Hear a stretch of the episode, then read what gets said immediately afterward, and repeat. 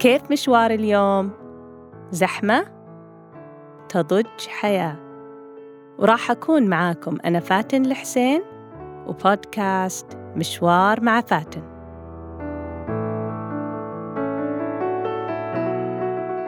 في عام 2010 قررت أدرس ماجستير إدارة أعمال عشان تسهل من تطوري في مجال عملي بديت مشوار البحث عن جامعة تناسب ظروفي وقتها زوجة أم لطفلين وموظفة دوامي إلى الساعة أربع العصر. بحثت في الخيارات المتاحة واللي تقبلها الشركة بحيث إنها ما تتعارض مع ساعات عملي وما تبعدني فترة طويلة عن البيت. وبعد سنة من البحث والتقصي اخترت برنامج ماجستير إدارة الأعمال في جامعة لستر البريطانية. وابتديت رحلة توقعتها مليئة بالتشويق والإنجازات. لكن اللي صار عكس ذلك.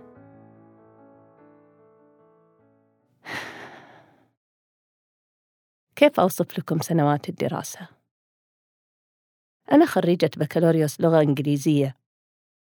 تخصصي في الثانوي كان أدبي. وأغلبكم يعرف أن إدارة الأعمال بعيدة كل البعد عن الأدب واللغويات والشعر والمسرح. كان تحدي كبير إني أطلع من مجالي إلى مجال ثاني مختلف تماماً. ما راح أكذب عليكم وأقول لكم إني كنت قد التحدي.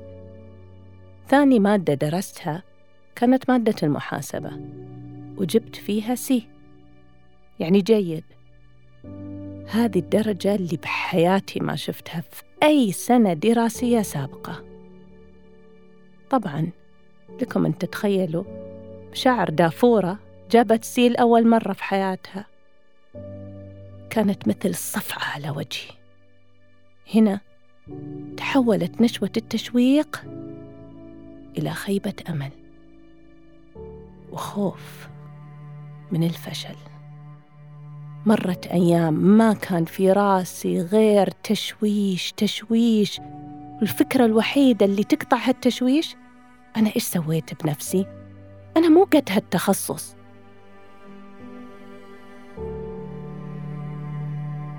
خيبة الأمل الأولى لها مرارة لا تنسى مثل صفعة تتلقاها في مكان عام فتجردك من كل أسلحتك ثقتك بنفسك إيمانك بقدراتك بل وتنسيك كل إنجازاتك السابقة كمن فقد ذاكرته بعد حادث مأساوي. ويبدأ صدى أصوات متضاربة بداخلك. هل أستسلم أم أستمر؟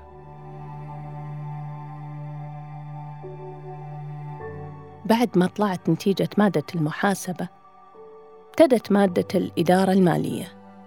مادة دسمة ثقيلة غرسة. وبين خيبة أمل درجة المحاسبة والطلاسم اللي في مادة الإدارة المالية دوامة الحيرة بدت تتسع والمشاعر المشوشة بدت تخنقني مثل اللي حبس نفسه بإرادته داخل صندوق صغير. مع مرور الوقت بدأ يحس إن الأكسجين ينفذ والرئتين بدت تنكمش من الضيق.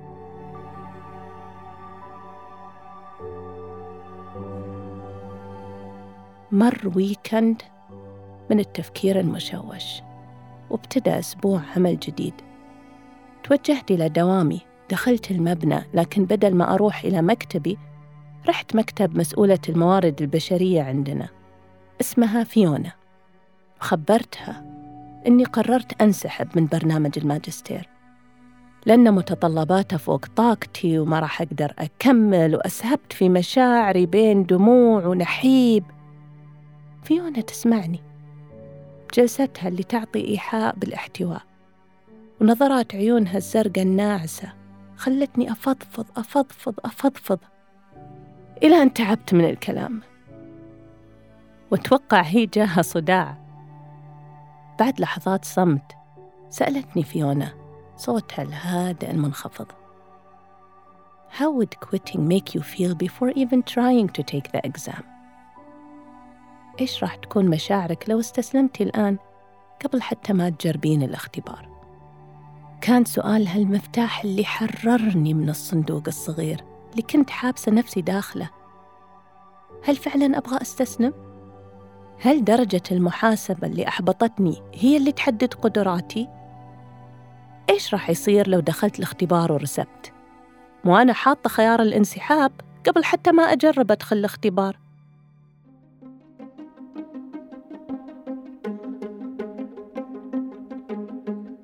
في كثير من الأحيان نتخذ قرار الاستسلام أو حتى عدم المحاولة لأننا نخاف من نتائج الاحتمال الأسوأ.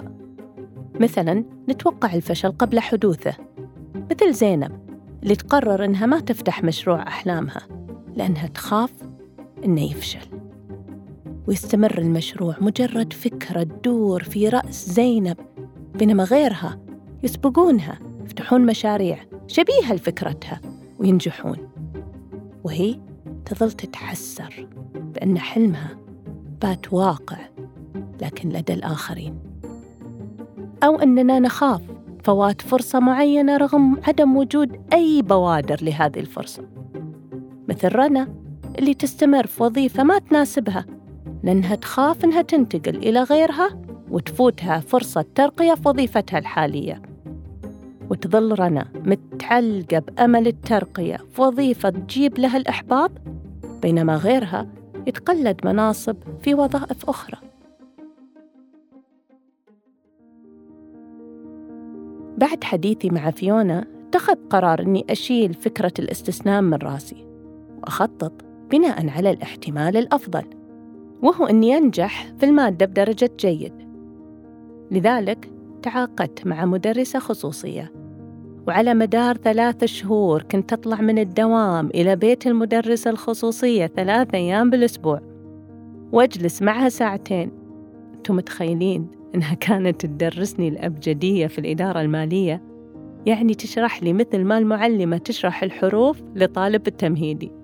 بعدين كيف يرتب الحروف إلى كلمات؟ وبعدين كيف يرتب الكلمات إلى جمل؟ هذا كان وضعي بالضبط. أنا ما أعرف كم علبة بنادول خلصت هذيك الفترة. دخلت الاختبار وجبت درجة B plus جيد جدا. خلال سنتين كملت باقي متطلبات الماجستير تخرجت بجدارة. بعد التخرج انفتحت لي أبواب النجاح على مصراعيها. حصلت على ترقيات وصار اسمي من ضمن المرشحين لمبادرات ودورات مهمة بسبب مهاراتي اللي اكتسبتها خلال الدراسة. ما أخفيكم أحيانا كنت أتخيل مصيري لو أني ما تكلمت مع فيونا أو لو أني تكلمت معها لكني أصريت على الانسحاب. كنت بوفر تعب سنتين لكن بتكلفني تعب عشرين سنة عمل.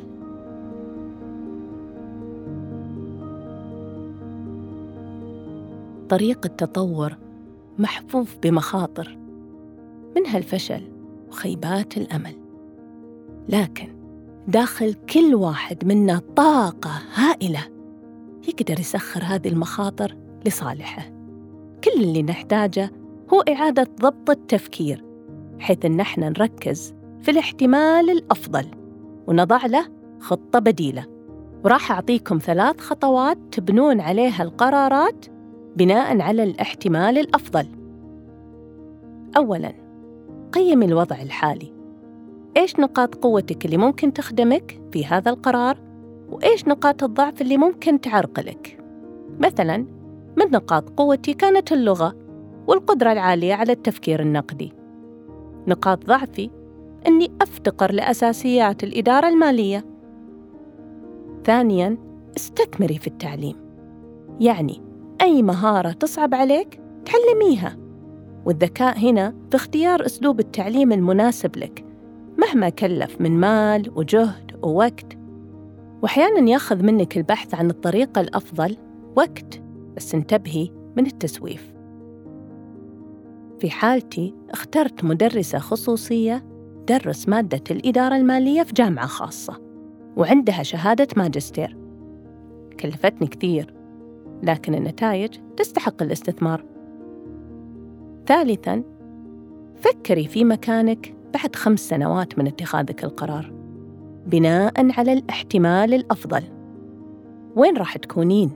إيش راح يكون شعورك؟ وهذا فعلا هو الوقود اللي كان يحركني. ما كنت أبغى أبني سمعة إني شخصية مستسلمة. كنت فعلا أبغى أتقدم في عملي.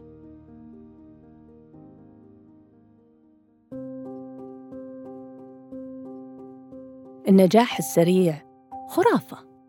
فلو بحثنا في قصص الناجحين لم نجد بينهم من وصل إلى مبتغاه بسهولة. فلو قرر والت ديزني الاستسلام أو فضل عدم المحاولة بعد طرده من جريدة بسبب افتقاره للإبداع والأفكار الجيدة لما وجدت ديزني اليوم كأحد أنجح الأعمال. جميل هو طعم النجاح لأن لذة الوصول لا يمكن أن نستشعرها دون جهد. صوت المولود الذي يجلب السعادة لكل من يسمعه لا يمكن دون مخاض مهلك. فرحة التخرج لن نجد متعتها دون إنهاك الامتحانات. لذلك حان الوقت أن تترك التفكير بالاحتمال الأسوأ فلن تجني منه سوى الاستسلام والحسرة. تطورك يحتاج إلى تفكير متقبل للمخاطر. تفكير مستوعب بأن مقابل الاحتمال الأسوأ هناك احتمال أفضل. تذكري فاز باللذات من كان جسورا. فاز باللذات من كان جسورا. دمتم بود.